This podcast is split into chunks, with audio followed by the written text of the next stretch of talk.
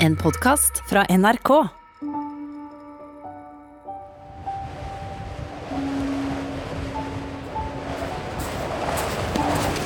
Midtvinters et øde sted i det krigsherja Syria. Kidnappere med våpen fører to menn med bind for øynene inn i et lite steinhus. Den ene er fotograf Niklas Hammarstrøm. Han halter, er skutt i beinet. Den andre er journalist Magnus Falkehed. Han har blitt torturert. Inne i huset må de knele, Kalasjnikov mot hodet. Nå skal de ringe hjem til dem de elsker. Kidnapperne taster telefonnummeret og kommer rett på telefonsvareren. ett meddelande. Kidnapperne gir ordre. Si at du elsker kona di, barna dine. Si I love you. Say help us. Want to tell love my family very, very much. So please, please help us. Help us. Help us. Help us. Dette er historien om da journalist Magnus Falkehed og fotograf Niklas Hammarstrøm ble kidnappa på jobb i Syria. Om en internasjonal operasjon av politi, etterretning, myndigheter, kolleger og venner som jobba natt og dag for å få dem fri. Erik Aasheim og jeg, Nina Stensrud Martin, vil finne ut hvem som kidnappa dem, og hvordan de ble redda, for det veit de ikke sjøl, og Magnus og Niklas er våre venner. Vi skal ta oss fra Lappland til Beirut, til smuglerligaer og hemmelige agenter, heltemodige redningsarbeidere og brutale torturister. Men det visste vi ikke da vi la ut på denne reisa.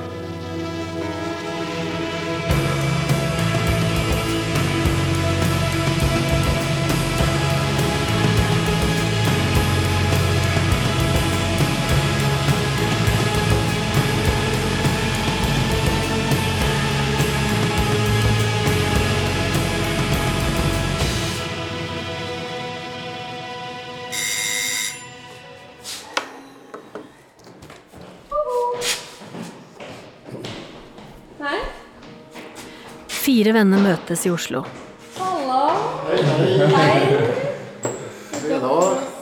Magnus har tatt morgenflyet fra Paris. Hei, Magnus. Hei. Hei, hei, Nina. Hei, Nina. Niklas fra Stockholm. Hei, Erik. Hei, Niklas. Kram, kram. Kom igjen. Det er Erik. Du er så høflig, Niklas. Du skal alltid ha kvinnen først. Det der er meg. Sånn, ja. Er? Vi gruer oss litt til dette, alle sammen. Da er dere klare? Ja. Tveksom. En kaffe och sen... eh, Ja, ja. Kaffe skal du få. Det blir jo vondt å snakke om det som skjedde da Magnus og Niklas ble kidnappa i Syria. Först till uppgifterna ikväll att två svenska journalister har förts bort i Syrien. eh, tyder på at de to er bortført mot sin vilje, men det er uklart hvem som står bak. Inga livstecken har kommit än från de två svenska journalister som fördes bort till Syrien. berättat om misshandel, tortyr, skenavrättningar. De hölls instängda i två mörka källare. I ett tidigt skede Hammarström var nära att dödas av en svårt blödande skottskada. Magnus og Niklas skulle fortelle verden om Syrias hemmelige kjellersykehus. De ville møte de legene og sykepleierne som redda livet på barn, kvinner og menn, altså vanlige folk fanga inne i krigen. For noen må jo fortelle de historiene for at resten av verden skal bry seg og vite at det skjer. Og så havna de sjøl i helvete. Hvordan kunne det gå bra? Hvorfor endte ikke de opp på grusomme YouTube-videoer fra IS? Nå har vi lurt på dette her i fem år. Ja, og jeg merker at eh, nå er det på tide å prøve å finne ut hva som, eh, hva som egentlig skjedde. Det er så mange hemmeligheter. Politiet, etterretninga, de store mediehusene, alle sitter på hemmeligheter. Ja, Og dem selv også, tror jeg. Eh, Men eh, jeg merker at jeg gruer meg litt nå. Altså, Vi skal gå inn i det jævligste som har hendt dem. Men det er den eneste måten hvis vi skal finne ut hvem som tok dem. Ja, og da må vi også eh, starte med dagene før de ble kidnappa.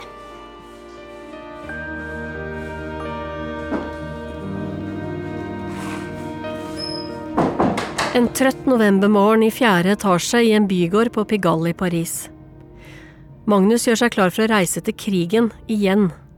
Familien er vant til det, han har rapportert fra mange kriger og konflikter, men Syria er spesielt farlig.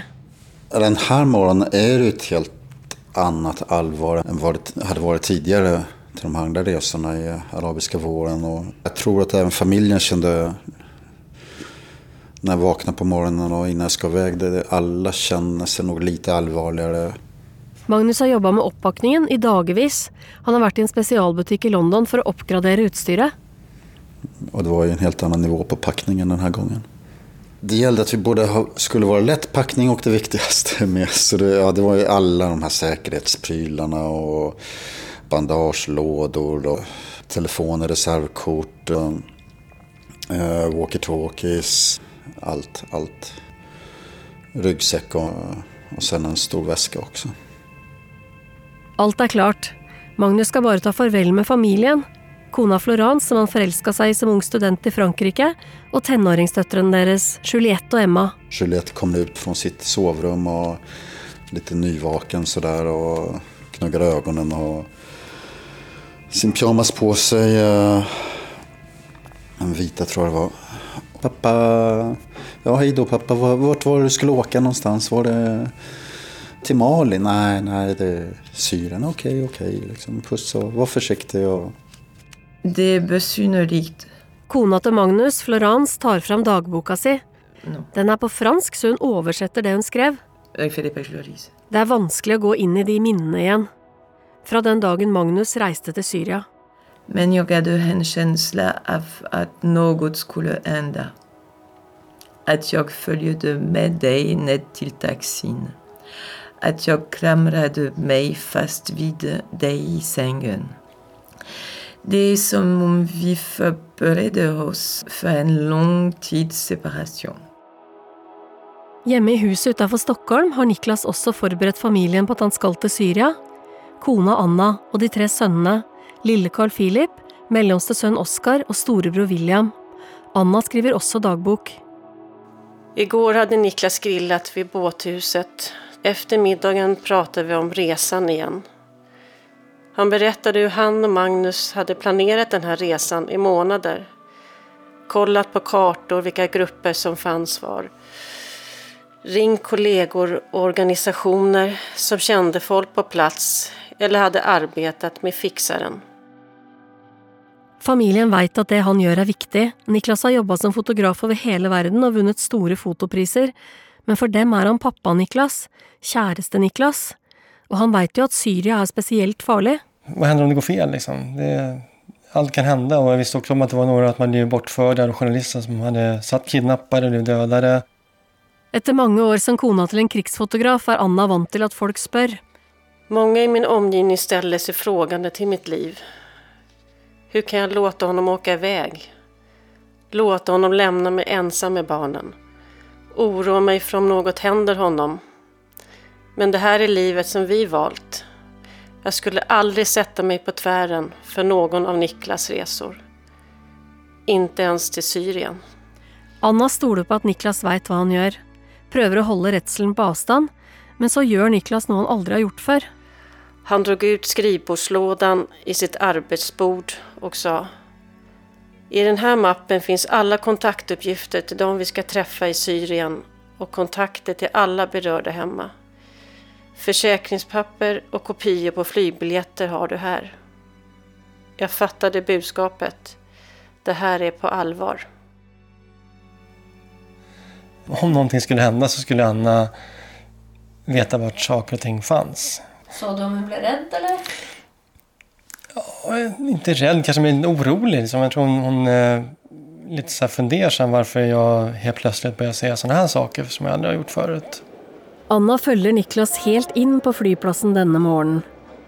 Klumpen i magen växer när jag ser Niklas försvinna iväg med sin trunk över axeln. I bilen på väg till Arlanda höll han sin högerhand i min. Det var svårt att släppa taget efter den långa kramen och kyssen. Precis när Niklas ska gå genom dörrarna till incheckningshallen i terminal 5 saktar han in, vänder sig om, ler och ger mig en slängkyss. Det är svårt att hålla tillbaka tårarna.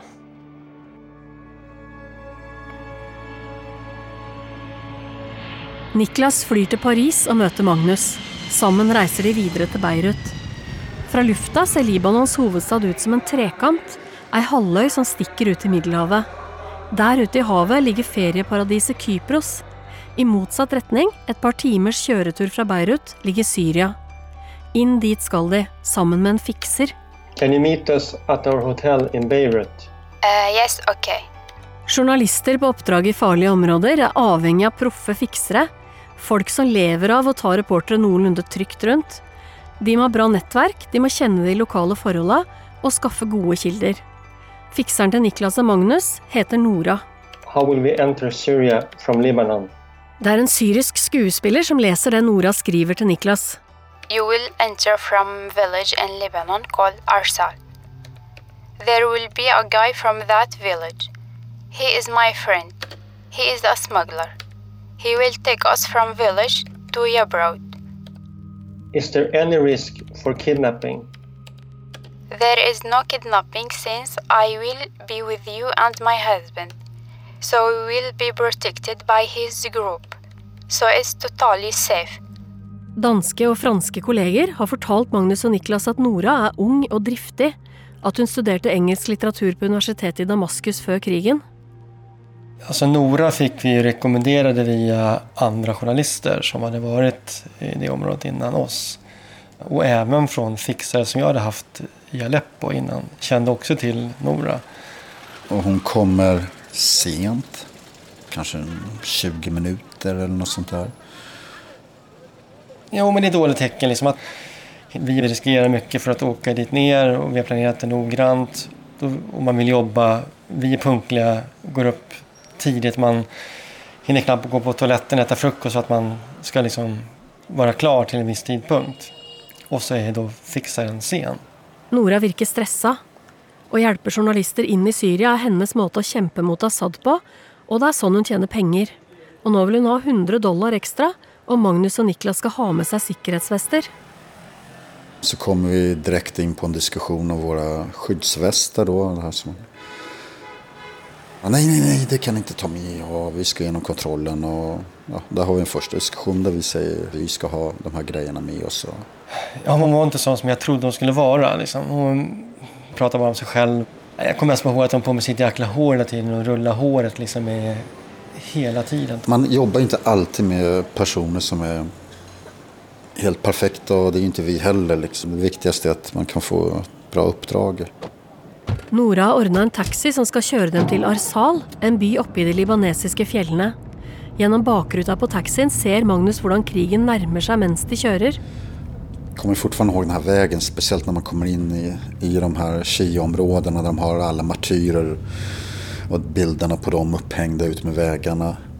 Som man i andra länder skulle ha McDonalds-reklam eller någonting. Så Arsal ligger så tett på grensa til Syria at det råder lovløse tilstander der. För att komma in i Arsal så var det en vägspärr utanför. Där var hon ganska spänd, eh, Nora, att vi skulle bli stoppade i den där vägspärren. Man måste ju ha tillstånd för att komma in i Arsal och det hade ju inte vi. Så att vi smugglades ju in direkt. Och Arsal, det var ju, det var ju ett riktigt rövarhål. Alla som var där var ju långa skägg och militanta. Överallt så var det ju män med vapen. Du kan bli skjuten, kidnappad, lika väl där som, som inne i Syrien. I Arsal møter de landsbygutten Amjad, som byjenta Nora har gifta seg med. Amjad er leder for en katiba, underlagt den frie syriske armeen, oftest kalt FSA. En katiba det er ei gruppe som opererer som geriljasoldater inne i Syria, i kamp mot president Bashar al-Assads regime. Det er Amjad og hans katiba som skal beskytte Magnus og Niklas. Magnus hadde venta seg at det skulle komme flere soldater. Och då blev vi väldigt förvånade över att det bara är två personer som kommer. Amjad, eh, Katiba-ledaren med sin vän slash kollega slash livvakt. Och bara en enda bil. Med Amjad bak rattet og den bevæpna vakta i passasjersetet foran sitter Magnus og Niklas bak med Nora i midten. Niklas stoler på at de to krigerne har sjekka veien mot grensa på forhånd. De hade ju sonderat terrängen innan. Dels hade de kommit dit och sett vilka spärrar som fanns och de hade också kontaktat alla som ja, skulle kontaktas innan för att åka den här vägen. Tåka ligger tett, men det kan være en fordel, tenker Magnus. Det här är ju vintern, vi är rätt högt upp i bergen och det är molnigt och dimmigt. det kändes väl rätt okej okay också det för man vill inte heller att det skulle komma några flygplan och bomba en heller där. Så det... Ändrar, ändrar pulsen sig lite när du kom in över gränsen till Syrien? Alltså. Ja, jag satt där i baksätet och smsade till, eh, till äldsta sonen bara att eh, allt är bra typ. Det är ingen synlig gränsövergång på de humpete småvägarna i fjället men Niklas vet att telefondekningen försvinner så snart de är inne i Syrien. Det smset kom aldrig fram. Amjad kör runt en skarp sving och täckningen är borta. Från gränsen bär det ner fjällene på syrisk sida till byn Jabrod där de ska bo. Niklas vet att rätt utanför byn är det IS som har kontrollen. Vi åkte kanske bara ett par minuter utanför själva stadskärnan så var det ju alltså fullt artillerield, beskjutningar. Då var det IS som hade det området. Bilen trillar in på en gruslagt gårdsplats foran ett hus lite utanför centrum av Jabrod. Så ser det ut som ett så typiskt syriskt hus på landsbygden med trädgård, två våningar och låg liksom på en så stor slätt. Man kunde se väldigt långt. Det kändes ganska säkert. Man såg ifall någon skulle komma på långt håll. Vi får då sova på nedervåningen, jag och Magnus, med till vardagsrum och sovrum och tv-rum och sällskapsrum och allting ett. Och, och sen där uppe så sover då Nora och Amjad och några andra utav soldaterna. Niklas vet inte helt vad han ska tro om den gängen som möter dem. De andra killarna som var där, vi tittade nog på varandra. Både jag och Magnus och tänkte, vi sa det också, att vad fan, det här var inte vad vi hade förväntat oss. Det skulle vara ett helt förband trodde vi liksom. Så är det, ja, de var sju, åtta killar som satt där inne liksom. Amjads krigare har varit nord för Jabrod och slåss mot regimets soldater hela dagen. Det opptaket du hører nå, gjør Magnus på telefonen sin. Krigerne sitter på puter langs veggen i oppholdsrommet, fremdeles med de sandfarga uniformene på. De er slitne, men de synger. يا سوري شو مستني هيدي الحرية آه Sangen har de laga sjøl. Den handler om heltemot, om å knuse Assad og krige for FSA.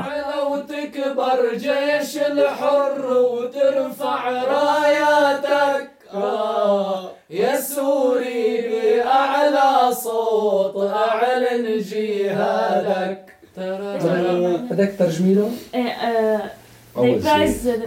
Nora oversetter teksten.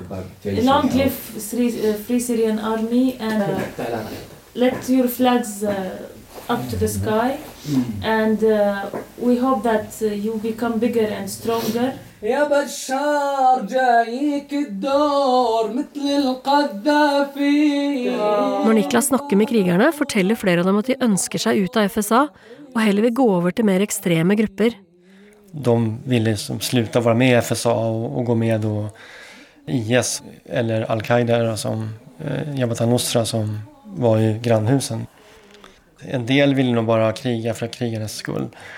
Och en del ville nog göra ja, för Syriens skull. Och en del också på grund av religiösa, att de ville ha sitt kalifat.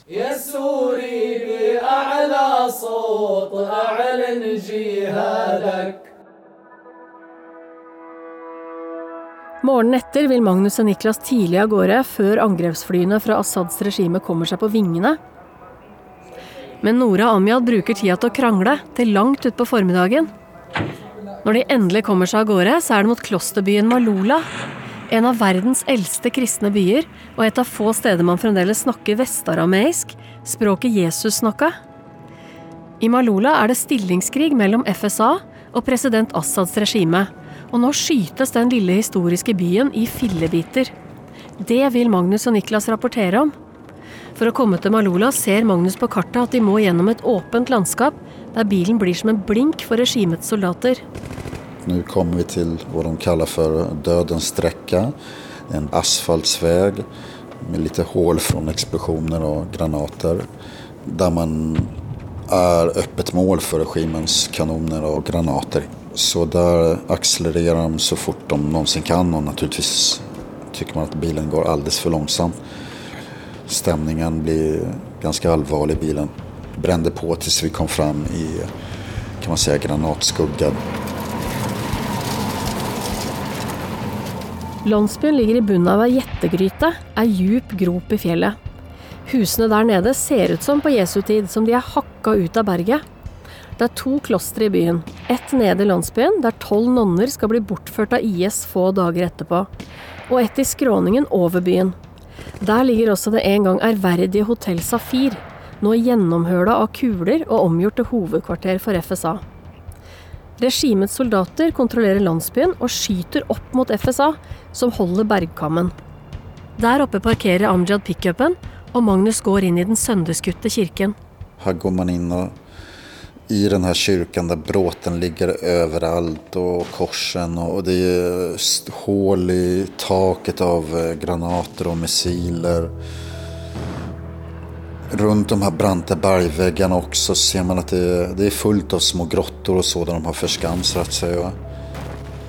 På något sätt så känns det vi på 2000-talet, men de måste ha krigat ungefär på samma sätt för 1000-2000 år sedan. Så plötsligt hör vi hur det visslar till och så en explosion lite längre bort och då ser vi att då har vi kommit under eld från regimstyrkorna där nere. Nu är vi mitt inne i, i kriget. Ja, vi hör liksom ett...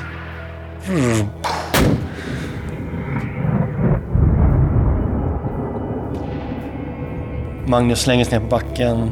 Jag tar väl också skydd bakom någon mur någonting. Och just när han slänger sig på backen så skrattar ju alla och tycker att det är jätteroligt. Alla de här soldaterna. De verkade ganska så avtrubbade om man säger så. De visste ju om att vi var där. Vi var ju helt klart målet, jag och Magnus.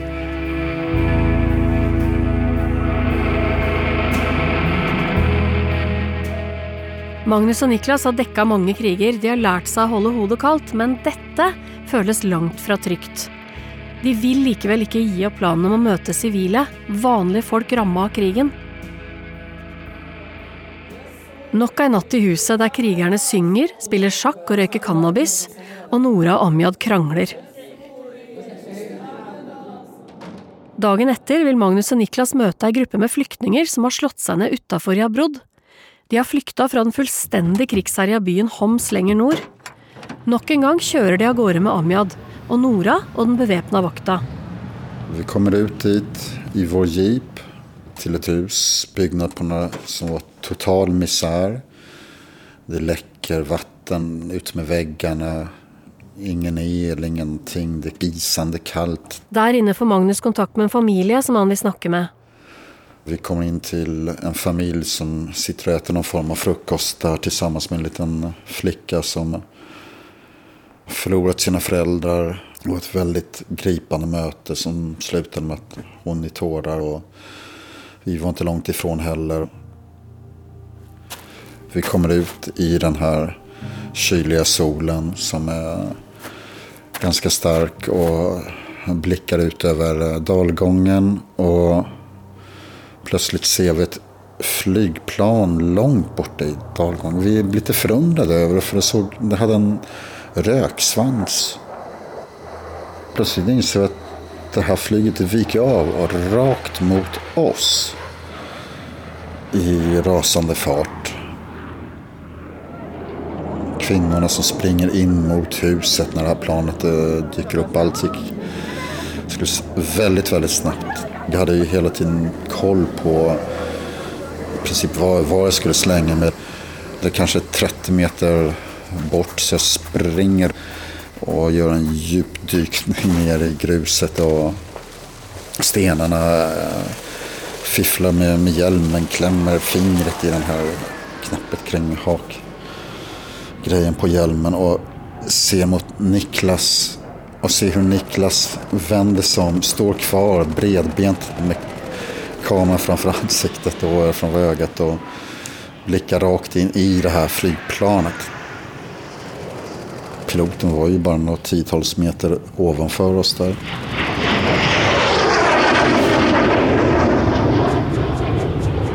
Helsike. Precis när flyget dyker ner i ett undrande smatter av kanoner och explosioner som lyckligtvis slår ner precis bakom huset. Jag kan ju aldrig efterkonstruera en scen i bildväg utan jag måste vara där när det händer. Det är där som bomben slår ner. Det är där de skjuter varandra. Måste ju fram dit. Jäkla fotograf Niklas. Han har det i ryggmärgen så ingrott. Men där, där var jag riktigt rädd för honom. Att det skulle gå åt riktigt illa.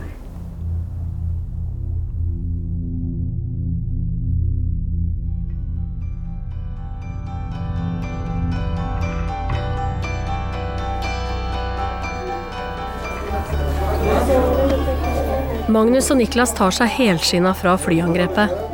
De får höra om ett hemligt sykehus i den lilla byn Rankos, inte långt från Damaskus och tätt på fronten. Magnus gör upptag på telefonen. Så nu är vi inne i ett av de här eh, hemliga sjukhusen som ligger i en villa nere i källarvåningen där. De måste ju kunna gömma sig och trots att de försöker dölja det så mycket de kan så är de en måltavla för regimens bombningar. Det står eh, gummistövlar de behöver för att inte halka runt i blodet som ibland står dem ända upp till anklarna. En av läkarna är halvt döv. En explosion och en granat hade slagit ner där. Det här är människor som verkligen jobbar mot alla odds. Det är en total grymhet. Det känns verkligen viktigt att kunna visa upp det här för omvärlden. Dette er grunnen til at de reiste, og rapportere til verden om legene i Syrias hemmelige kjellersykehus. Legene forteller at ingen medisiner kommer fram til dem, at situasjonen er desperat. Men plutselig så forandrer stemninga seg. Plötsligt så kommer någon av dem fram och liksom bara puttar in oss i det här eh, medicinförrådet. Legen dytter Magnus og Niklas inn i medisinboden fordi krigere fra IS har kommet inn med en skada kamerat. Veggen er så tynn at når Magnus gjør opptak med telefonen, så høres det ut som de er i samme rom. Det går väldigt snabbt det här och får förklaring att det, det har kommit in de män som absolut inte gillar västerlänningar. Legene snakker først til hverandre på arabisk om det som skjer. Så oversetter de til Magnus og Niklas på engelsk.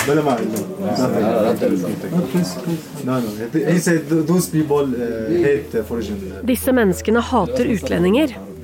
Men når vi får en arabisk oversetter til å høre på opptaket, viser det seg at det er noe ganske annet legene egentlig sier.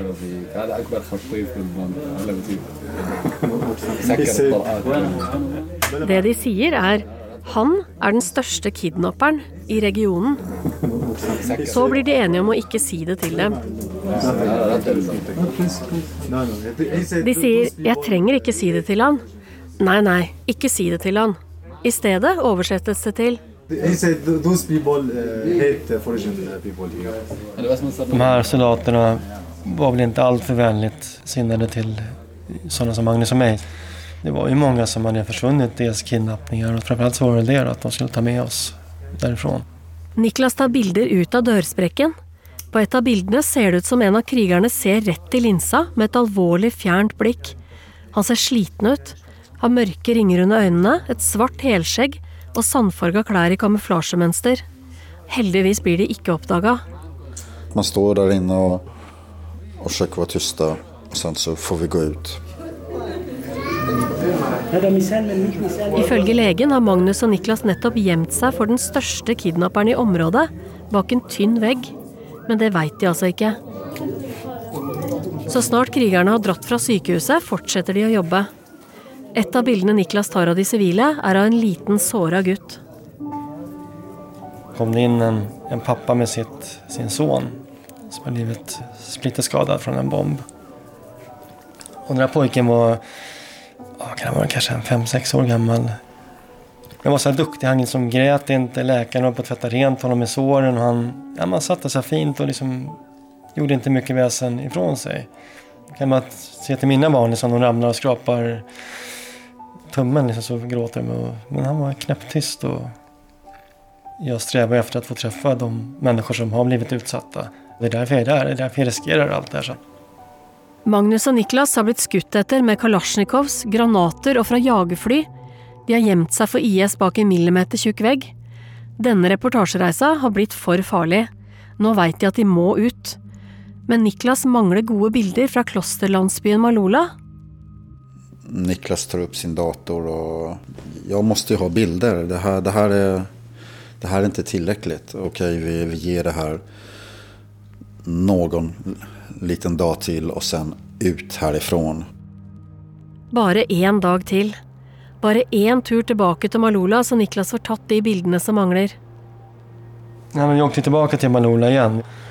Jag började ta lite bilder runt om där och dels på en flagga som hängde flaggstången och det var ett fint ljus på den. Man såg Röda berget bakom och det satt några soldater i förgrunden. Och...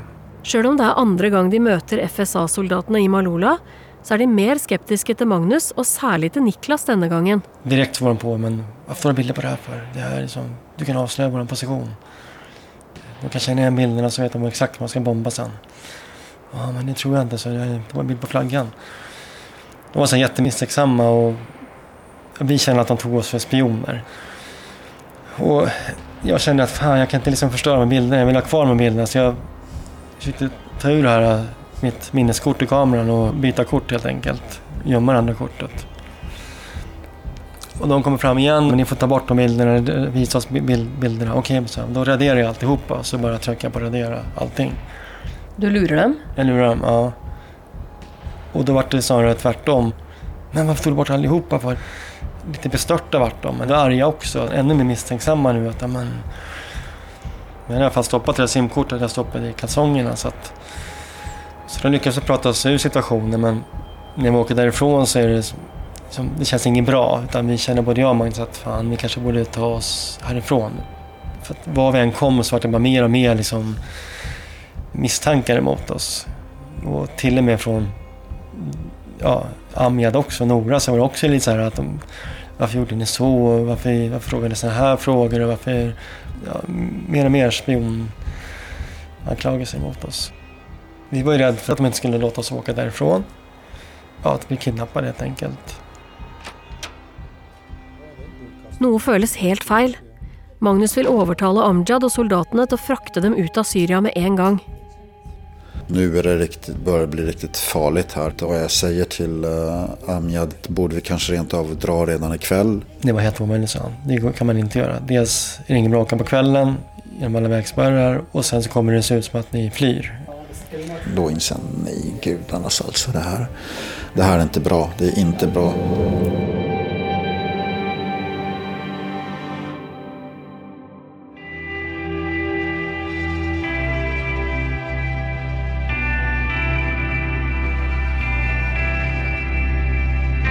I neste episode går alarmen hjemme. Niklas har blivit kidnappad. Jag kände hur syret tog slut, som efter ett slag i magen. Og Magnus og Niklas er fanga i et mareritt. Nej, det får inte hända. Inte det här. Och att jag skrek att Nora hjälp oss, hjälp oss. Det här får inte hända utan du måste hjälpa oss. Och bara, ja, det händer, det händer, det händer inte. Du har hørt den første av seks deler av serien Kidnappet.